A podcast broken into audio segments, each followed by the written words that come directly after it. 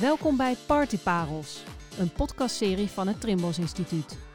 Deze zomer nemen we je mee in de wondere wereld van de partydrugs.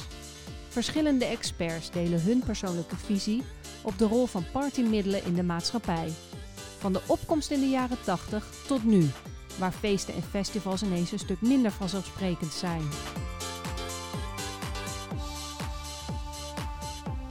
In deze aflevering professor Dr. Gemma Blok, hoogleraar moderne geschiedenis aan de Open Universiteit en ooit werkzaam bij het Trimbos Instituut.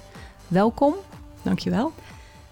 Wat is jouw eerste kennismaking met partydrugs? Persoonlijk uh, was dat uh, in ja, begin jaren negentig, denk ik. Uh, ik studeerde toen in Amsterdam geschiedenis. En ehm, daarvoor kwam ik eh, uit Rotterdam. En daar was ik echt een beetje zo'n new wave meisje, donker eh, gekleed. Uh, luisterend naar ja, wat nu postpunk heet. Um, de Cult, Sushi and the Banshee, Sisters of Mercy en Clark. Dat soort depressieve muziek zo'n beetje. En dat vond ik toen echt geweldig. Hè? Dus eigenlijk zou je ook kunnen zeggen... mijn eerste partydruk was postpunk met alcohol. Uh, maar als je het hebt over partydrugs in de zin van wat we er nu onder verstaan, ecstasy, en, uh, dan was dat in begin jaren negentig tijdens de studie in Amsterdam. Dat dat opkwam. Uh, en dat ik daar voor het eerst in de Matzo, geloof ik, en dat soort clubs, Roxy, mee in aanraking kwam. En ja, dat vond ik echt een heel interessante andere beleving. Dat was zo anders. Bij die postpunkmuziek stond je met z'n allen een beetje introvert naar de grond te kijken. Een beetje die, somber. Een beetje somber, hè, interessant, uh, uh, kijkend en uh, diepzinnig en zo. Um, en, en hier was het allemaal juist de handen in de lucht en vrolijk en naar boven kijken. En, ja, en ook niet zozeer alcohol als wel dus ecstasy en dat soort middelen die daarbij hoorden. En uh, nou, daar heb ik ook wel wat mee geëxperimenteerd uh, in mijn studietijd. En dat beviel goed, moet ik zeggen. Dus dat was echt een overgang voor mijn gevoel. Uh, van een, een, heel ander type jongere cultuur waar ik in terecht kwam. En hoe ben je dan in dit veld terechtgekomen? Nou, Is er een link met die ervaring van toen? Ik denk, ja, Achteraf kan je dat zo analyseren. Hè? Dat, uh, het leven loopt natuurlijk altijd grilliger. Maar uh, ik ging na mijn studie geschiedenis uh, werken hier bij het Trimmels Instituut. Hè? Ehm, wat je al zei, bij Joost Vijzelaar, die, eh, die toen onderzoeksgroep leidde naar de geschiedenis van de psychiatrie. Dus ik ontplooide me toen als historicus van de psychiatrie. Met veel plezier heb ik dat gedaan. ook promotieonderzoek gedaan naar de antipsychiatrie. Een soort hippiebeweging in de, in, in de psychiatrie, zou je kunnen zeggen. Uh, mensen die zeiden van ja, hè, wat is gek? de hele samenleving is eigenlijk een beetje gek, want die geeft het individu veel te weinig ruimte.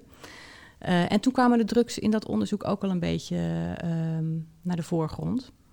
Want die antipsychiatrische denkers die, die vergeleken de psychose bijvoorbeeld met een LSD-trip.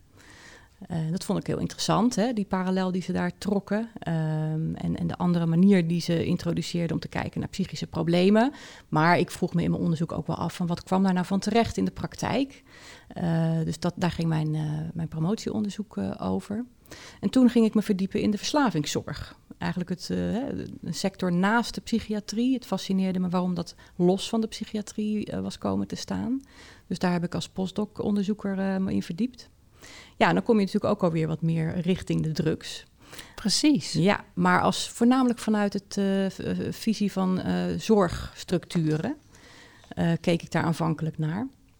Hoe heeft de verslavingszorg als sector zich ontwikkeld en welke behandelingsvormen waren daarin?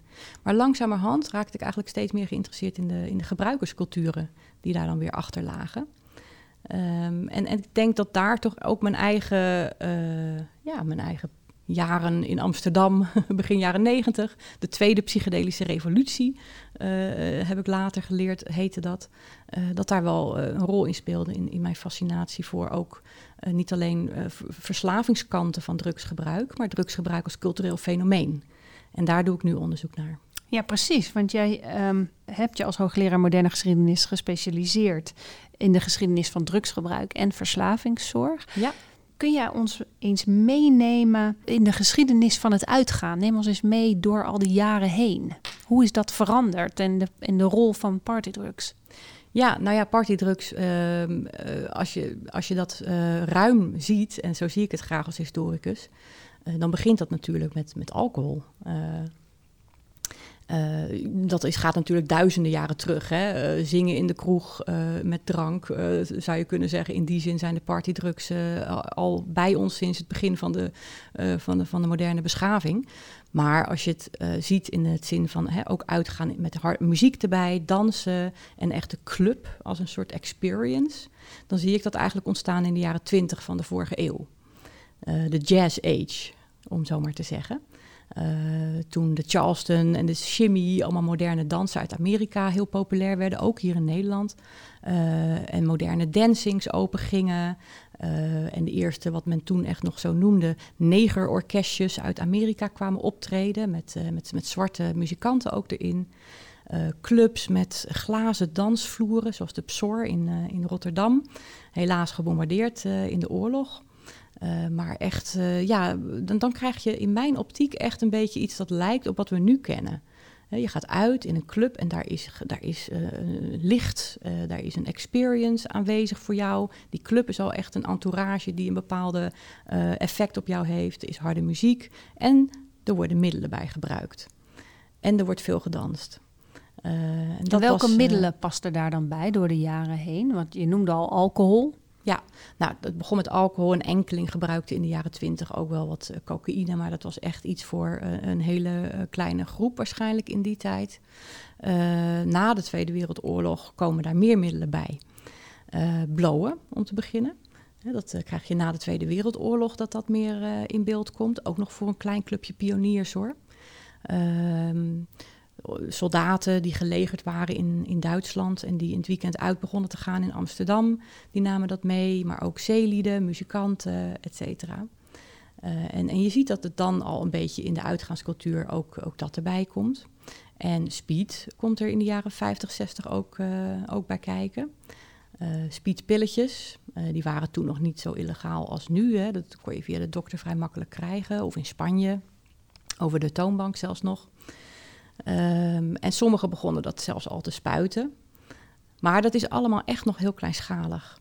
Um, en ja, het, het, grote drugsgebruik en uitgaan begint natuurlijk rond 1970 eigenlijk pas. Met uh, ja, de beroemde hippiecultuur. Flower uh, Power. Flower Power. De eerste festivals, hè, zoals we die nu kennen. Uh, de Fly to Lowlands Paradise voor het eerst eind jaren 60 in Utrecht georganiseerd. Um, Kralingen 1970. Maar ook uh, nieuwe soorten clubs, zoals uh, Fantasio aan de Prins Hendrikkade, waar ze lichtshows hadden, dia-shows.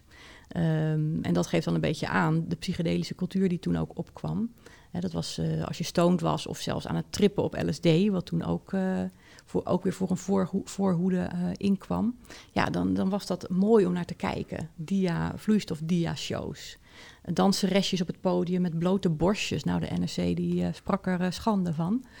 Um, bands, Pink Floyd en allerlei hè, buitenlandse en binnenlandse bands die optraden. Paradiso, Melkweg, uh, Paard van Troje, Vera in Groningen. Iedere stad had zijn eigen Paradiso, zou je kunnen zeggen.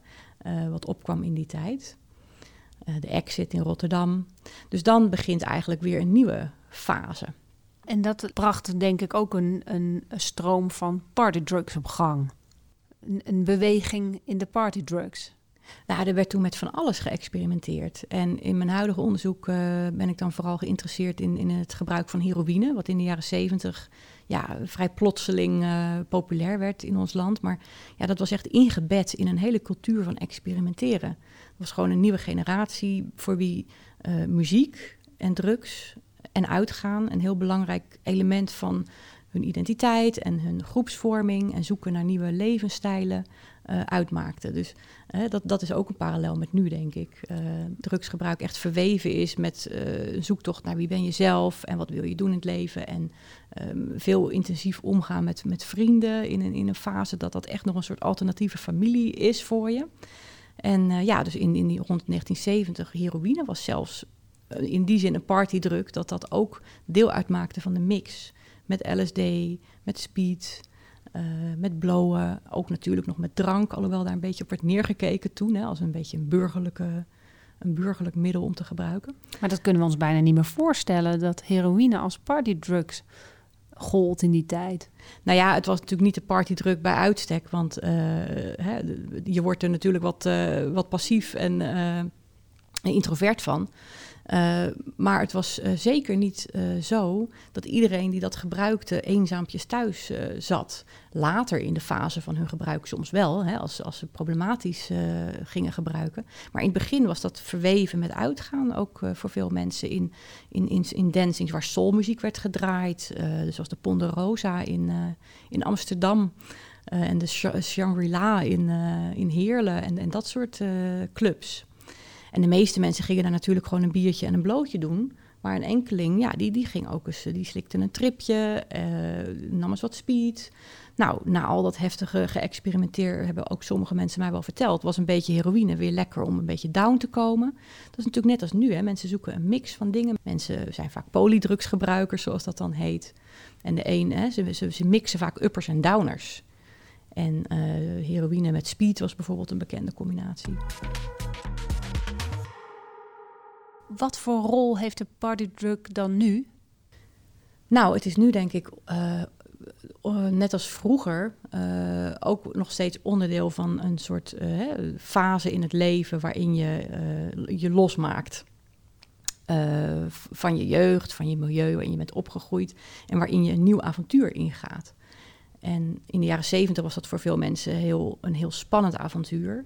Want dat betekende echt gewoon je losmaken van een milieu uh, vaak waarin religie bijvoorbeeld nog heel dominant was. Of waarin het nog helemaal niet zo vanzelfsprekend was om te gaan studeren als nu.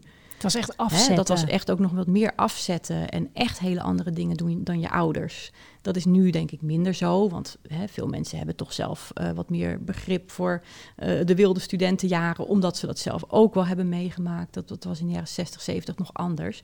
Maar net als vroeger is nu denk ik partydrugs ook nog steeds verweven met die levensfase heel erg. Dat zie je ook, uh, hè, dat is de fase waarin mensen het meest experimenteren. Je gaat ehm, ja, je gaat op zoek naar jezelf en dat doe je samen met, uh, met leeftijdsgenoten. En je gaat op zoek naar je eigen seksuele uh, geaardheid. Je gaat op zoek naar wat je eigenlijk zelf wil in het leven en dat soort zaken. Um, en daarbij horen voor sommige mensen ook, uh, ook drugs. Wat fascineert jou zo aan die wereld en aan die geschiedenis? Ja, nee, dat is een hele goede vraag. Nou, ik vind het vooral heel interessant hoe nieuw het is. Dat, het is natuurlijk een enorm 20e eeuws nieuw fenomeen. Uh, dat we zo kunnen spelen met onze geest eigenlijk. Hè? Um, ik vind dat heel interessant, uh, want voorheen was je toch als het ware ja, wat meer aangewezen op wie je van, van jezelf was. Uh, nu hebben we er sinds de 20e eeuw zo ontzettend veel middelen bij gekregen om, om, om, om jezelf, je bewustzijn te veranderen, je, je, je gemoedstoestand, je energielevels te veranderen. Hoe gaan we daar als samenleving mee om? Dat vind ik gewoon persoonlijk, maar ook als historicus een hele interessante vraag. Uh, maar ik vind het ook heel boeiend van hoe, wat, wat levert het mensen op, maar wat kost het ze ook? Dus die positieve en die negatieve kanten ervan, hoe brengen we dat in balans? Um, als samenleving en als individuen. En wat is dan de belangrijkste les die we uit het verleden kunnen trekken? Uh, ik denk toch dat een hele belangrijke les wel is dat je oog moet hebben voor waarom uh, mensen dingen doen. Uh, op een wat minder stereotype manier dan dat we er vaak naar geneigd zijn te kijken. Het is natuurlijk nieuw, hè, een nieuw fenomeen, dat ze spelen met de geest en het beangstigt heel veel mensen. Uh, begrijpelijk want het, het, is natuurlijk iets van controleverlies, uh, hè, symboliseert het voor veel mensen, drugsgebruik. Um, en een soort terugkeer naar een soort primitieve dierlijke aard van zijn. En voor veel mensen is het ook iets onbekends, want laten we wel wezen, uh, drank is natuurlijk de meest veelgebruikte druk. Maar de partydrugs waar we het over hebben, zijn natuurlijk nog steeds voor een relatieve minderheid. Dus de mensen die daar geen ervaring mee hebben, kijken daar toch bevreemd tegenaan. Um, en dat heeft wel, denk ik, tot heel veel uh, uh, miscommunicatie en onbegrip uh, en stereotypering en stigmatisering geleid in het verleden, die ook schade heeft aangericht. Net als de druk zelf natuurlijk hè, ehm, niet altijd prettig voor mensen zijn geweest. Kunnen we ook leren uit het verleden, maar soms ook wel. Maar de manier waarop we er naar kijken als samenleving, ehm, kunnen we denk ik ook wel leren van de geschiedenis. Ja, heeft ook geleid tot narigheid. Je hebt je ook verdiept in de verslavingszorg. Hoe kijk jij naar de huidige verslavingszorg en preventie? Nou, ik vind dat Nederland een hele unieke en rijke en progressieve geschiedenis heeft met drugsvoorlichting, hè, realistische drugsvoorlichting, waar ze in, uh, in andere landen vaak uh, lange tijd alleen nog maar van konden dromen. In de jaren zeventig waren wij al bezig met het uitdelen van uh, realistische drugsvoorlichtingsfolders aan de hippies die sliepen in het Vondelpark. Erik Vromberg, de latere directeur van het NIAD, uh, een van de poten van het Trimbos Instituut, uh, was daar bijvoorbeeld bij betrokken. En dat was echt realistische drugsvoorlichting op een niet-moralistische manier. Dat was de insteek.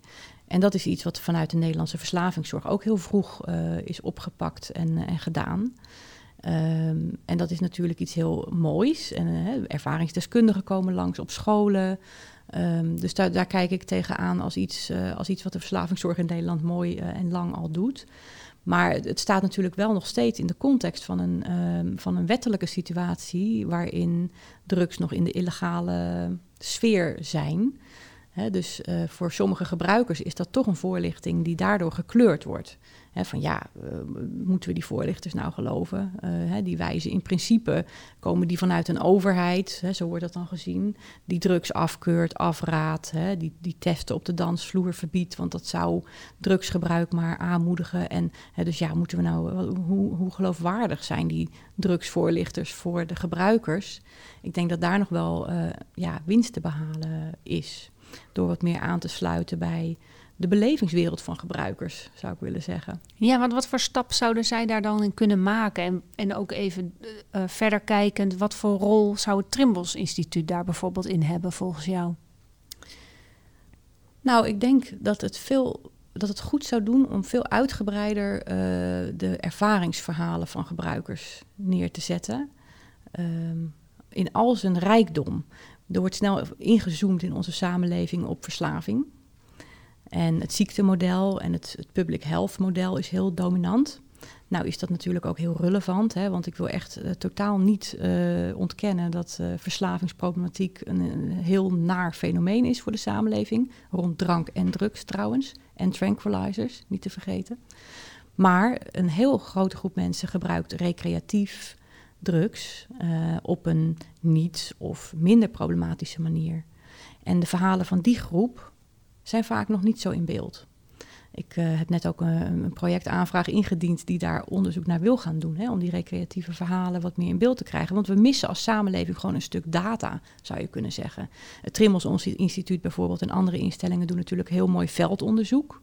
Dus er is een heel goed begrip van wat is er op de markt, wie gebruiken wat. Maar welke ervaringsverhalen daarachter steken? Wat, zijn de, wat is de betekenis van drugsgebruik voor mensen in hun leven? Nou, welke positieve en uh, minder positieve kanten zitten er voor hen aan? Uh, hoe balanceren ze drugsgebruik met uh, werkend leven? wat heeft het ze gebracht? Met, dat, dat soort vragen zou veel meer aan de orde kunnen komen, denk ik. want we, we zitten als samenleving snel in een heel zwart-wit denken als het over drugs gaat. Uh, en uh, dat, dat bevordert het gesprek en de dialoog niet, is mijn overtuiging. En het ligt wat genuanceerder. Het ligt veel genuanceerder. En dat zwart-wit denken van het is fout, het moet, uh, hè, of het is juist heel goed. Hè, en die stomme overheid verbiedt het onterecht. Of hè, die, die, die, stomme yoga-hedonisten gaan maar hun eigen gang zonder zich iets van de rest van de wereld aan te trekken. Het worden snel twee kampen die tegenover elkaar staan te strijden. Terwijl mijn onderzoek ook bijvoorbeeld naar de geschiedenis laat zien dat het daartussen is een continuum van grijstinten uh, en ervaringen.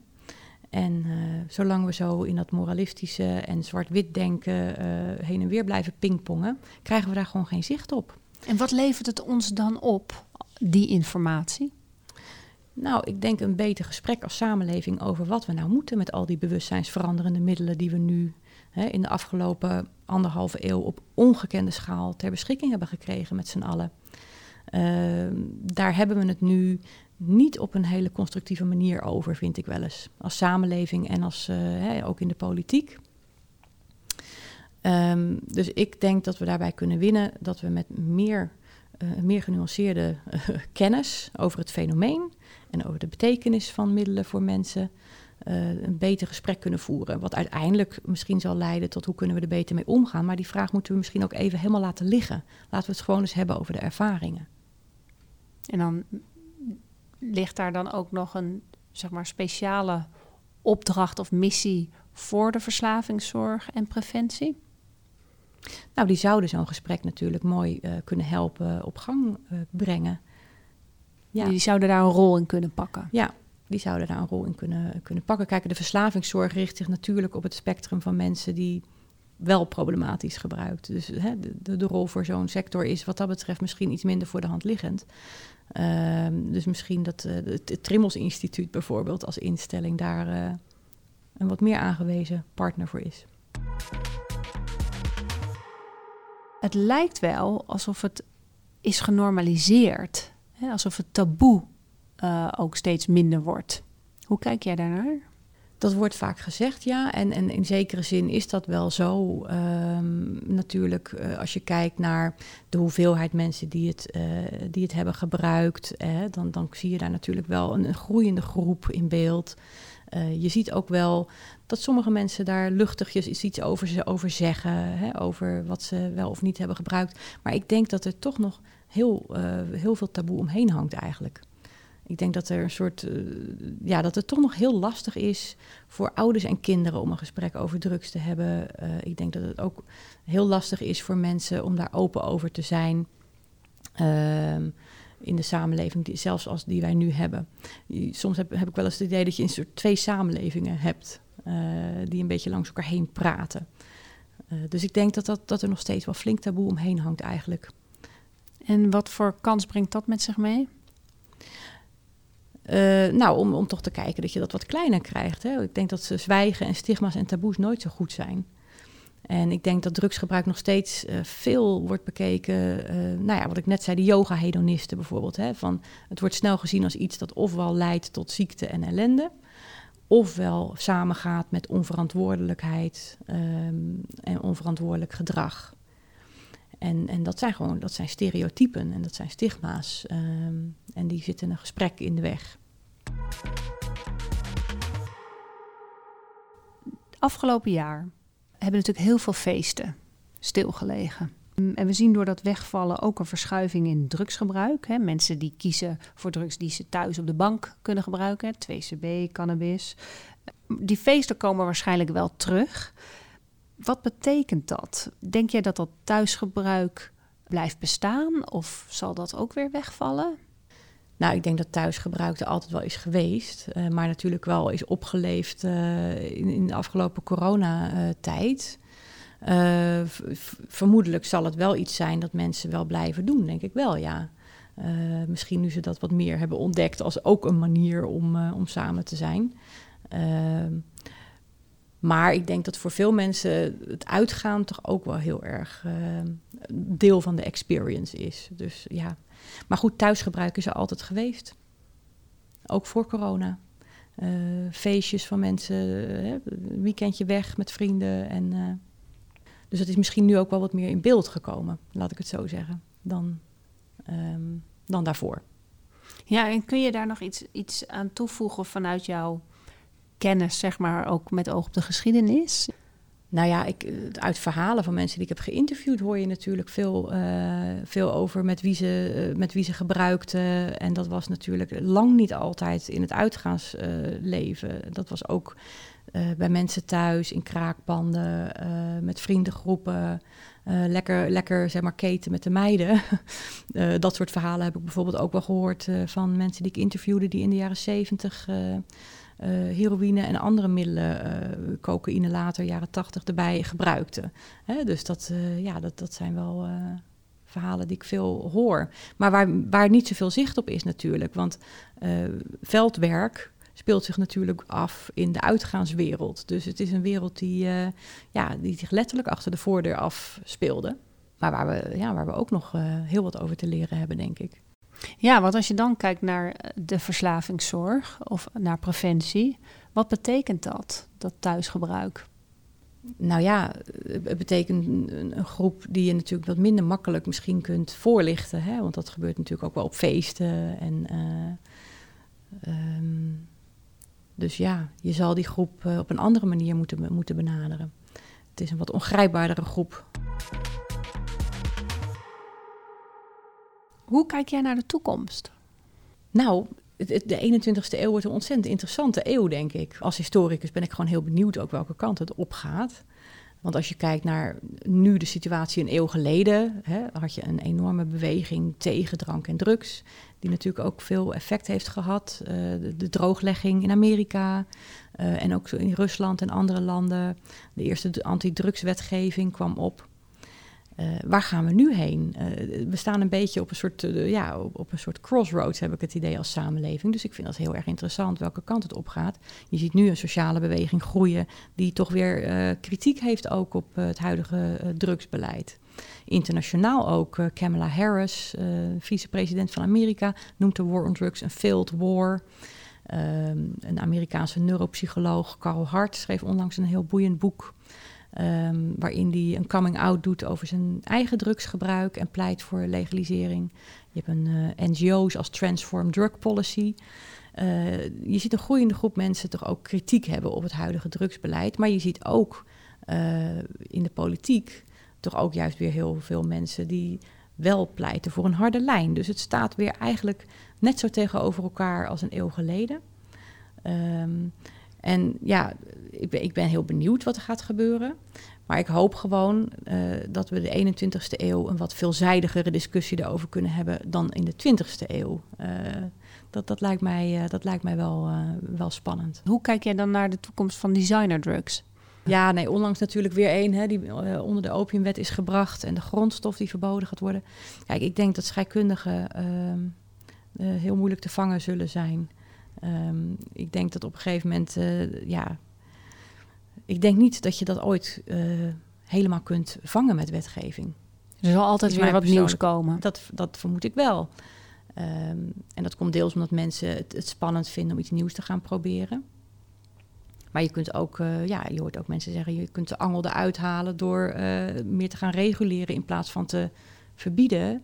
Want je hoort mensen ook naar de designerdrugs uh, toe gaan, omdat hè, andere middelen verboden zijn. Uh. Dus ik denk dat het wel, ik denk dat de 21ste eeuw heel veel uh, gesprek over hoe kunnen we goed reguleren met zich mee gaat brengen. Wat een hele ingewikkelde vraag wordt. Maar daar zie je de discussie nu al een beetje heen, heen schuiven. Als jij je zou mogen richten tot iemand of een bepaalde groep, tot wie zou je je dan richten en wat is dan jouw boodschap?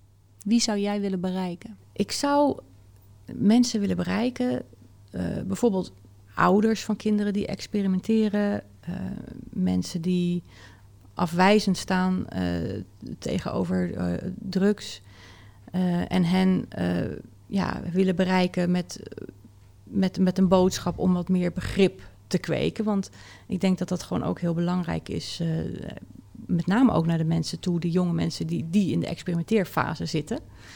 Um, ja, dat, dat daar wat meer, um, dat zij wat meer een luisterend oor kunnen vinden, als het ware. Dus ja, tot de ouders, denk ik, van experimenterende kinderen. Hè, van blijf in gesprek.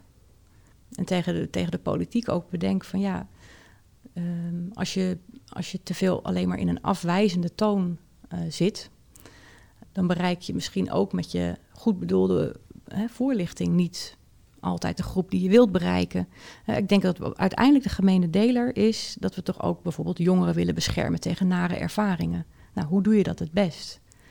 Um, ik denk dat daar een gesprek toch belangrijk is. Um, en drugtest, drugstesten is natuurlijk een heel groot goed. Maar laat iedereen zijn drugs testen. Kun je de kwaliteit van drugs wel zo goed meten als het, altijd, hè, als het in de illegaliteit in feite is? Jongeren sterven soms aan drugs, wordt er dan gezegd. Maar in feite aan versneden drugs bijvoorbeeld. Hè? Of aan uh, te sterke drugs dan ze hadden verwacht. Ik denk dat daar ook nog echt winst te behalen. Het gaat gewoon echt ook om. Het gaat ook om het beschermen van jonge mensen. Deze, deze discussie. En hoe we dat met z'n allen het beste kunnen doen. Uh, daar, daar moeten we over praten. En niet alleen maar over oordelen. Blijf in gesprek. Blijf in gesprek. Open gesprek. Ja, een lekkere softe jaren 70 boodschap. Maar niet minder belangrijk ook nog in de 21ste eeuw. Ja, geldt nog steeds. Het geldt nog steeds. Dit was Partyparels, een podcastserie van het Trimbos Instituut, waarin verschillende experts hun persoonlijke kijk op partydrugs met je delen. Meer weten? Kijk op trimbos.nl.